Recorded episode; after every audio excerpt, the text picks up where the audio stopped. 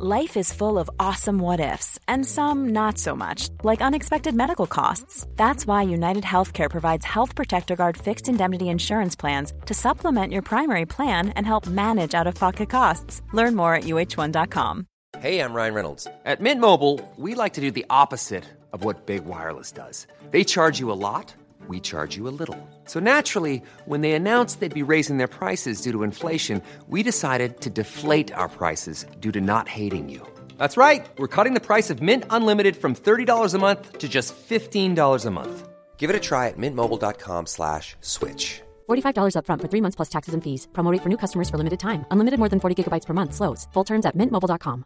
A lot can happen in three years, like a chatbot may be your new best friend. But what won't change? Needing health insurance. United Healthcare Tri Term Medical Plans, underwritten by Golden Rule Insurance Company, offer flexible, budget friendly coverage that lasts nearly three years in some states. Learn more at uh1.com. Varmt välkomna tillbaka.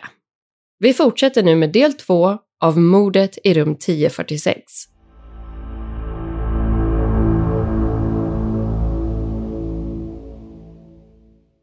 I samband med obduktionen och undersökningarna efter Rolands död så kom läkarna fram till en intressant slutsats. Nämligen att större delen av hans skador bara ha uppkommit ungefär 6-7 timmar innan det att han upptäcktes av Randolph Probst runt klockan 11 på förmiddagen. Det vill säga att skadorna bör ha uppkommit någonstans runt klockan 4 eller 5 på morgonen. Det här baserades på hur blodet hade torkat, både på kroppen och bland annat på möbler och väggar inne i hotellrummet. Och den här slutsatsen innebär ju att Roland troligtvis hade blivit knivhuggen och torterad när Randolph skickades upp för att fixa telefonen och då hörde en mörk mansröst som sa “Come in” och “Turn on the lights”. Han valde ju då att gå därifrån eftersom att han antog att Roland var full men sen runt halv nio-tiden så var ju också hans kollega Harold Pike inne i rum 1046. Och han hade ju noterat mörka skuggor runt omkring kroppen. Och det här hade då gissningsvis varit stora pölar av blod. Så Roland hade nog inte alls varit full, utan han hade nog mer eller mindre varit medvetslös. Sen är ju frågan hur man kan se att en person ligger naken i en säng men inte notera att det är blod överallt i rummet. För det är ju ganska svårt att förstå. Men på något sätt så verkar det i alla fall ha varit så som det gick till. Det fanns med andra ord en hel del frågor som nu behövde besvaras och polisen började med att noggrant undersöka rum 1046. Något som dessvärre ledde till betydligt fler frågor än svar. Det ska inte ha funnits några kläder alls inne i rummet och inte ens de kläderna som Roland hade setts bära av hotellpersonalen, som exempelvis hans svarta rock. Andra saker som normalt brukade finnas på rummen hittades inte heller, som hotellets egna tvål och schampo. Man hittade inte heller några handdukar, men det hade ju faktiskt sin förklaring eftersom att städerskan Mary hade varit och hämtat de smutsiga handdukarna tidigare, men då hade blivit nekad att leverera de nytvättade handdukarna av en manlig röst inifrån rummet dagen innan, torsdagen den 3 januari. En manlig röst som uttryckligen sa att de inte behövde några handdukar. Polisen kunde inte heller hitta någon form av vapen som skulle ha kunnat orsaka skadorna som Roland hade. Det vill säga ingen kniv eller liknande. Däremot var de väldigt säkra på att Roland inte hade varit ensam i rummet och att han inte hade orsakat skadorna på sig själv. Dels på grund av att han var fastbunden, att det inte fanns något vapen inne i rummet och att det nästan kändes fysiskt omöjligt att vissa av skadorna skulle ha kunnat vara självförvållade. I rummet hittade polisen däremot en oanvänd liten flaska med utspädd svavelsyra som bland annat brukar användas inom pappersindustrin och vid tillverkning av sprängmedel och olika typer av batterier och färgämnen. Polisen ska också ha hittat någon form av hårnål en säkerhetsnål och en oanvänd cigarett. På själva hållaren till telefonen så ska man ha upptäckt fyra fingeravtryck och med tanke på att de var ganska små så misstänkte polisen att de eventuellt tillhörde en kvinna. År 1935 så var ju däremot tekniken inte särskilt utvecklad inom det här området, så dessvärre ledde inte det här spåret till någonting mer konkret än så. Men de här fingeravtrycken ska i alla fall inte ha matchat varken Roland själv eller någon av personerna som jobbade på hotellet. Utöver att undersöka brottsplatsen så var ju en annan brådskande uppgift för polisen att bekräfta Rolands identitet och försöka komma i kontakt med eventuella anhöriga för att informera om dödsfallet. I och med att Roland hade angett Los Angeles som hemstad i samband med incheckningen så tog polisen i Kansas City kontakt med sina kollegor i Los Angeles för att få hjälp i ärendet. Efter att de hade undersökt saken så återkopplade de och sa att de tyvärr inte kunde hitta någon boende i Los Angeles som hette just Roland T. Owen. Vilket med största sannolikhet innebar att det här var påhittad information och att man nu inte hade den blekaste aning om vem den här unga mannen faktiskt var. Kort efter att Roland, eller mannen som kallade sig Roland, hade dött så valde man att låta utvalda personer komma och bevittna hans kropp som nu befann sig på en begravningsbyrå. Det här beslutet fattades med en förhoppning om att någon kanske skulle känna igen honom och på så vis hjälpa polisen att få fram hans faktiska identitet. Bland annat var det väldigt många som ville komma dit för att se om den här avlidna mannen kanske kunde vara just deras försvunna son, bror, partner eller vän. På den här tiden var det ju däremot inte särskilt enkelt att kommunicera effektivt och framförallt att dela bilder och information. Så det här tog därför upp ganska mycket tid för samtliga inblandade eftersom att det då kom dit massa personer helt i onödan som hade hoppats på att de äntligen skulle få ta del av svar kring vad som hade hänt just deras anhöriga. Polisen behövde också hantera massa olika personer som insisterade på att de minsann visste vem den här unga mannen var. Men att det sen bara visade sig att han var lite lik någon gammal bekant som de hade känt för väldigt många år sedan. En person som kom och besökte begravningsbyrån för att bevittna kroppen var en man som hette Robert Lane och som ofta nämns i det här fallet. Sent under kvällen, torsdagen den 3 januari, så ska han nämligen ha varit ute och kört bil och blivit stoppad av en ung man som matchade beskrivningen av Roland T. Owen. Det här var alltså den sista kvällen innan mordet sen ska ha ägt rum under morgonen där den 4 januari. Den unga mannen ska då ha sprungit omkring relativt lättklädd för att vara i januari och ska sedan ha vinkat åt Robert och stanna bilen. När han gjorde det så insåg mannen att han måste ha sett fel, bad om ursäkt och förklarade att han trodde att Robert körde taxibil. Han frågade sen om Robert kunde tänka sig att köra honom till någon närliggande plats där han skulle kunna få tag i en taxi. Robert sa då att han kunde hoppa in i baksätet och därefter kommenterade han att den unga mannen såg ut att ha varit i bråk eller liknande. Och han ska då ha svarat någonting i stil med “I'll kill that son of a bitch tomorrow”. På grund av att den unga mannen var relativt lättklädd så noterade Robert att han hade ett djupt sår eller jack på sin vänstra arm. Kort därefter släppte han av mannen och åkte därifrån. Och nu, ett par dagar senare, befann sig alltså Robert Lane på begravningsbyrån och han var då helt säker på att Roland T. Owen var den här unga mannen som han hade haft i baksätet på sin bil. Den avlidna mannen som nu låg framför hans ögon hade till och med ett sår på exakt samma ställe som han hade noterat under torsdagskvällen.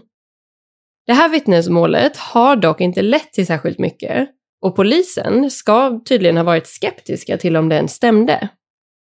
De ansåg nämligen att det var märkligt att en så pass lättklädd Roland i så fall skulle ha lämnat och eller anlänt till hotellet under torsdagskvällen och att ingen i personalen skulle ha noterat detta. Men även om allting stämmer och om det var Roland som hoppade in i Roberts bil så ger det ju tyvärr inga direkta svar ändå. Däremot är det ju en indikation på att Roland i så fall hade bråkat med en person bara ett par timmar innan han mördades och att det ändå verkade ganska allvarligt om han var så pass arg att han sa att han skulle vilja döda personen. För troligtvis så var ju då den andra personen precis lika arg på Roland och kanske ville han eller hon döda honom också. Lite senare under utredningen så fick polisen höra från hotellpersonalen att Roland hade nämnt att han bodde på The Mulebach Hotel innan han bytte till Hotel President. Det fanns dock ingen information om att en Roland T. Owen skulle ha bott där under den senaste tiden. Däremot fanns det en ung man som såg ut som Roland som hade bott där och som uttryckligen hade önskat att få ett rum som inte vette ut mot gatan. Han hade också angett Los Angeles som hemadress. Namnet på den här gästen var Eugene K. Scott. Utredare blev såklart väldigt exalterade över den här nya ledtråden. Det vill säga tills dess att polisen i Los Angeles återigen bekräftade att det inte fanns någon i staden med just det namnet.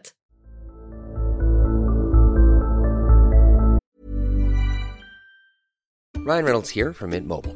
priset på nästan allt som går upp under inflationen, trodde vi att vi skulle bring våra priser down. So to help us, we brought in a reverse auctioneer, which is apparently a thing.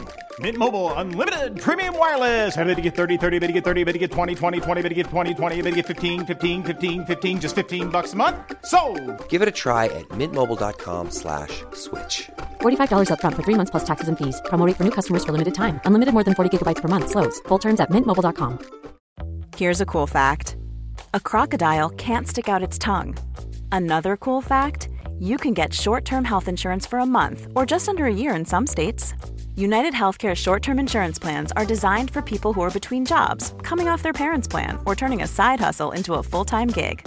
Underwritten by Golden Rule Insurance Company, they offer flexible, budget friendly coverage with access to a nationwide network of doctors and hospitals. Get more cool facts about United Healthcare short term plans at uh1.com. Everyone knows therapy is great for solving problems, but getting therapy has its own problems too, like finding the right therapist, fitting into their schedule, and of course, the cost. Well, BetterHelp can solve those problems. It's totally online and built around your schedule. It's surprisingly affordable too. Connect with a credentialed therapist by phone, video, or online chat, all from the comfort of your home. Visit betterhelp.com to learn more and save 10% on your first month. That's BetterHelp, H E L P.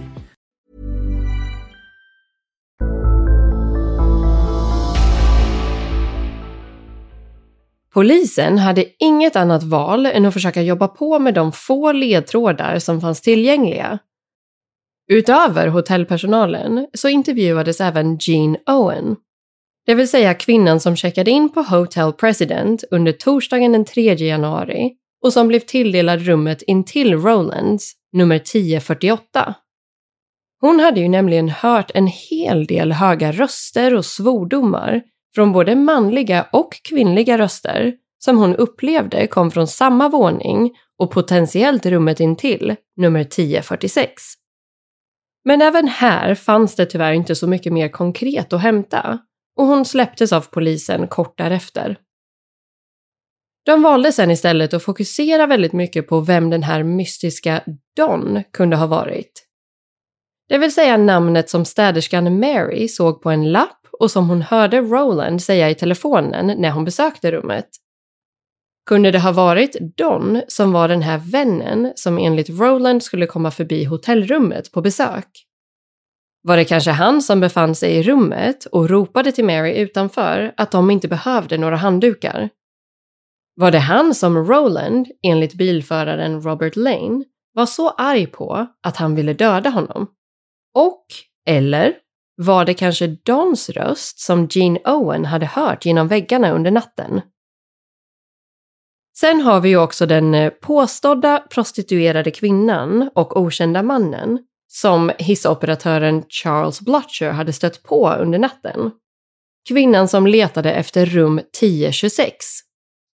För kanske var det så att hon egentligen hade menat 1046 Kvinnan lämnade ju sen hotellet runt klockan fyra på natten och kort därefter lämnade den mannen som hon var i sällskap med och han ska ju då ha sagt till Charles att han ville gå ut och ta luft eftersom att han inte kunde sova. Det här skulle ju ha kunnat vara den manliga och kvinnliga rösten som Jean hörde under natten.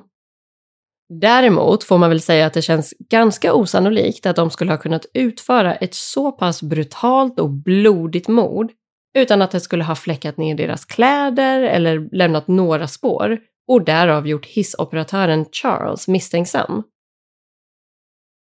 Det fanns ganska tydliga personbeskrivningar av det här paret, men det verkar tyvärr inte som att man någonsin lyckades identifiera dem ordentligt. Fallet kring det mystiska mordet i rum 1046 började sedan att svalna mer och mer. Det fanns såklart annat för polisen att utreda och för tidningarna att skriva om. Två månader senare, precis i början av mars 1935, så gick begravningsbyrån ut med information om att de nu planerade att begrava den unga mannen på en speciell typ av kyrkogård för så kallade John och Jane Does, det vill säga oidentifierade personer. Men också för fattiga personer som inte hade råd med en ordentlig begravning. Innan det här hann äga rum så tog begravningsbyrån emot ett anonymt telefonsamtal från en okänd man. Och det ska sägas att det finns ganska varierande information kring just det här samtalet och exakt vad som sades. Men mannen påstås i alla fall ha sagt att Roland inte skulle begravas på den planerade kyrkogården, utan att de skulle vänta och att han skulle skicka pengar för att bekosta en ordentlig begravning. Han ska också ha sagt att Roland skulle begravas vid Memorial Park Cemetery i Kansas City eftersom att han då skulle få vara nära hans syster. Och vissa har tolkat det här som att det var mannen i telefonens syster medan andra har tolkat det som att det handlade om Rolands syster och att hon alltså skulle ligga begravd där. Så det är helt enkelt väldigt oklart. Mannen i telefonen ska sedan ha sagt att Roland hade varit inblandad i någon form av otrohetsaffär och att folk som är otrogna, de brukar få vad de förtjänar. Kort därefter tog begravningsbyrån emot de pengarna som mannen i telefonen hade lovat. Man lyckades aldrig spåra det här paketet och mannens identitet är därför fortfarande okänd. Begravningen hölls sen vid Memorial Park Cemetery och på graven placerades sedan ett blomsterarrangemang med 13 vackra rosor. Blommorna hade anlänt till begravningsbyrån från en anonym person som aldrig heller har kunnat spåras. Tillsammans med blommorna fanns det ett handskrivet kort med texten “Love forever, Louise”. De enda deltagarna under begravningsceremonin var poliser som hade arbetat med utredningen och poliser under täckmantel som var där för att hålla utkik efter en eller flera potentiella gärningspersoner. Dessvärre utan större framgång. Även om intresset för det här fallet nu hade svalnat ganska ordentligt så återstod såklart ett visst intresse bland både allmänheten och media. Det skrevs därför fortfarande om det mystiska mordet i rum 1046 om mannen som kallades Roland T. Owen. Under hösten 1936, det vill säga drygt ett och ett halvt år efter mordet, så fick en kvinna syn på en artikel om det här fallet som inkluderade en bild på den unga mannen från bårhuset. Hon kontaktade då sin väninna Ruby Ogletree och sa att den här personen verkligen såg ut som Rubys son, Artemus Ogletree. Han hade rest iväg från sin hemstad i Birmingham, Alabama under våren 1934 och han ska då ha begett sig till Kalifornien tillsammans med en kompis. Artemis hade sedan hållit kontakten med sin familj genom brevväxling, men de hade inte sett honom sedan han lämnade hemstaden. Ruby Ogletree lyckades komma i kontakt med polisen i Kansas City och kunde bland annat identifiera mannen genom att i detalj beskriva det stora och tydliga ärret som han hade uppe vid tinningen över sitt ena öra. Hon förklarade också att ärret hade uppkommit i samband med en olycklig brännskada från varm olja när han var barn. Efter vidare utredning kunde man bekräfta att allting stämde. Roland T. Owen var mycket riktigt Rubys son och hans födelsenamn var alltså Artemus Ogletree. Han var inte heller mellan 20 och 35 år gammal som hotellpersonalen hade gissat på. Det visade sig nämligen att han bara var 17 år gammal. En stor del av det här mysteriet var nu löst. Men det fanns fortfarande väldigt många obesvarade frågor. Det visade sig att Ruby hade tagit emot ett antal brev från sin son efter att mordet hade ägt rum. De tidigare breven från hennes son hade varit handskrivna, men eh, de som kom efteråt var nu skrivna på en skrivmaskin. När han lämnade hemmet så visste inte Artemis hur man använde en skrivmaskin och utöver det så var språket i de senare breven också lite annorlunda. Bland annat ska avsändaren ha använt betydligt mer slang och vardagligt språk än vad hennes son brukade göra. I de här breven stod det att Artemis var ute och reste och det hänvisades bland annat till Europa, New York och Chicago. Ett antal månader efter mordet så tog Ruby också emot ett telefonsamtal och det här var då en person som sa sig vara en vän till Artemis och att de hade rest tillsammans det här ska tydligen ha varit ett extremt märkligt samtal och personen ska bland annat ha sagt att Artemus dessvärre inte kunde komma och prata eftersom att han numera bodde i Kairo i Egypten. Det här telefonsamtalet ska ha spårats till Memphis, Tennessee, men dessvärre så vet man inte vem som faktiskt befann sig på andra sidan luren. Lite senare lyckades polisen via Ruby Ogletree också få fram information om att Artemis tidigare hade bott på ett tredje hotell i Kansas City som hette St. Regis och att han då ska ha delat rum med en annan man. Givetvis började polisen då undra om den mannen kanske hade varit den mystiska Don som man ännu inte hade lyckats identifiera. Något man aldrig har lyckats ta reda på eller bekräfta. Polisen trodde också att de var någonting på spåren när de år 1937 grep en man som hade mördat sin rumskamrat som han delade hotellrum med.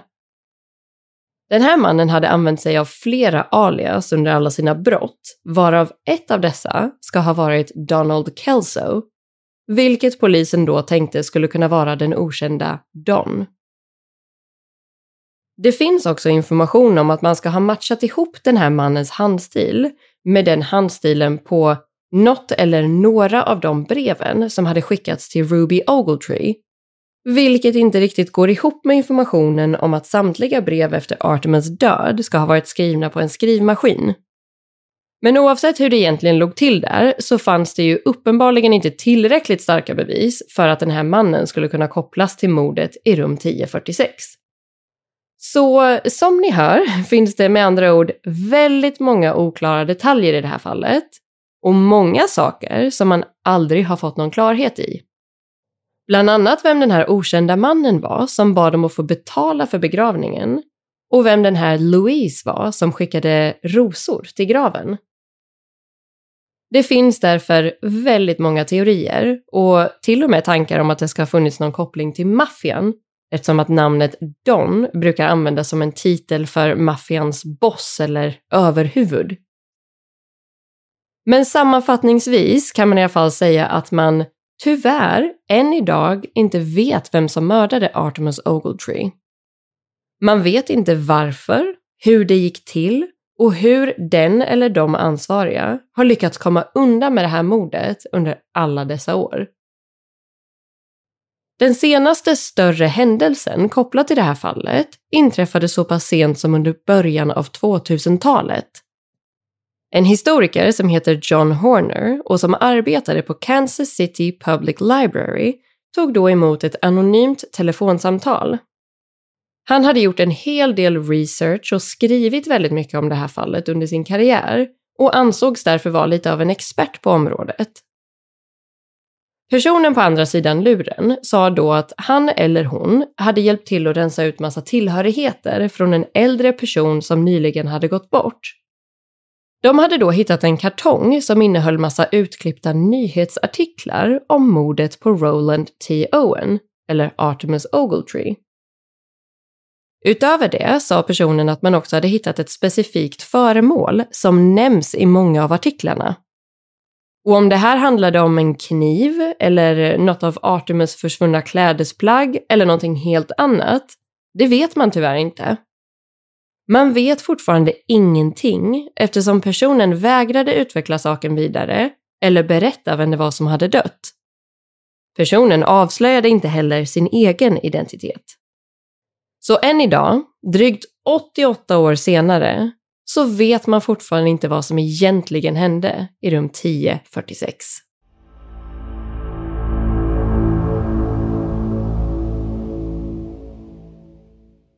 Ja, hörni. Mm, visst är det ändå lite i samma stil som eh, Peter Bergman-fallet?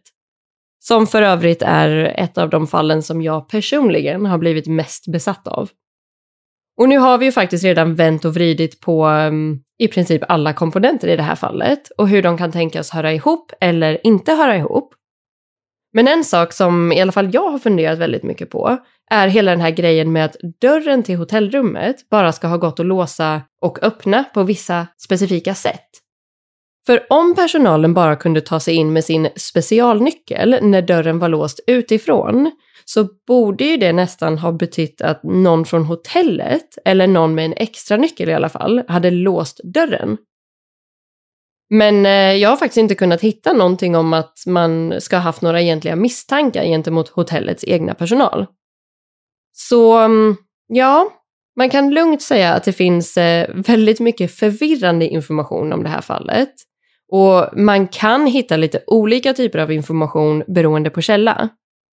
Och med tanke på att det här faktiskt ägde rum 1935 så tror jag att vissa detaljer eh, såklart kan ha blivit lite feltolkade och förvrängda med tiden.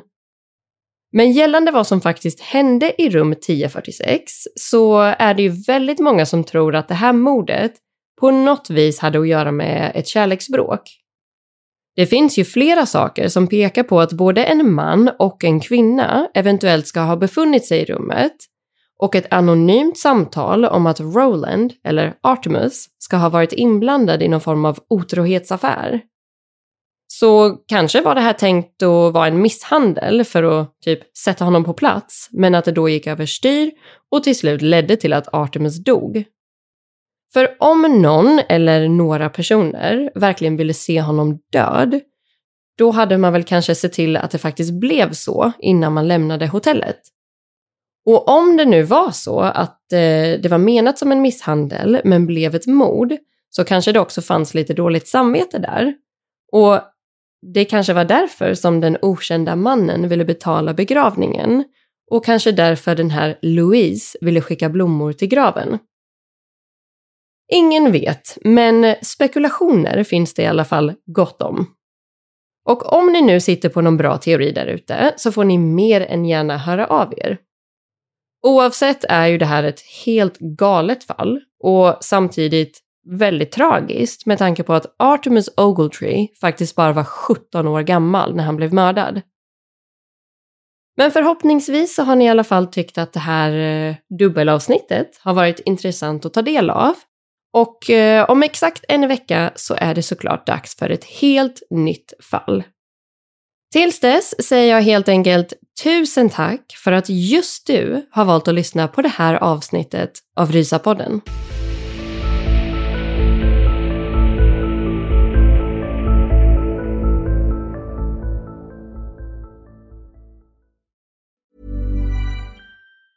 Hi, I'm Daniel, founder of Pretty Litter. Did you know cats tend to hide symptoms of sickness and pain? I learned this the hard way after losing my cat, Gingy. So I created Pretty Litter, a health monitoring litter that helps detect early signs of illness by changing colors, saving you money and potentially your cat's life. Pretty Litter is veterinarian developed, and it's the easiest way to keep tabs on your fur baby's health right at home. Go to prettylitter.com and use code ACAST for 20% off your first order and a free cat toy. Terms and conditions apply. See site for details. Planning for your next trip? Elevate your travel style with Quince. Quince has all the jet setting essentials you'll want for your next getaway, like European linen, premium luggage options, buttery soft Italian leather bags, and so much more. And is all priced at 50 to 80% less than similar brands. Plus, Quince only works with factories that use safe and ethical manufacturing practices. Pack your bags with high-quality essentials you'll be wearing for vacations to come with Quince. Go to quince.com slash pack for free shipping and 365-day returns. Even when we're on a budget, we still deserve nice things. Quince is a place to scoop up stunning high-end goods for 50 to 80% less than similar brands. They have buttery soft cashmere sweaters starting at $50, luxurious Italian leather bags, and so much more. Plus, Quince only works with factories that use safe, ethical, and responsible manufacturing. Get the high-end goods you'll love without the high price tag with Quince. Go to quince.com/style for free shipping and 365-day returns.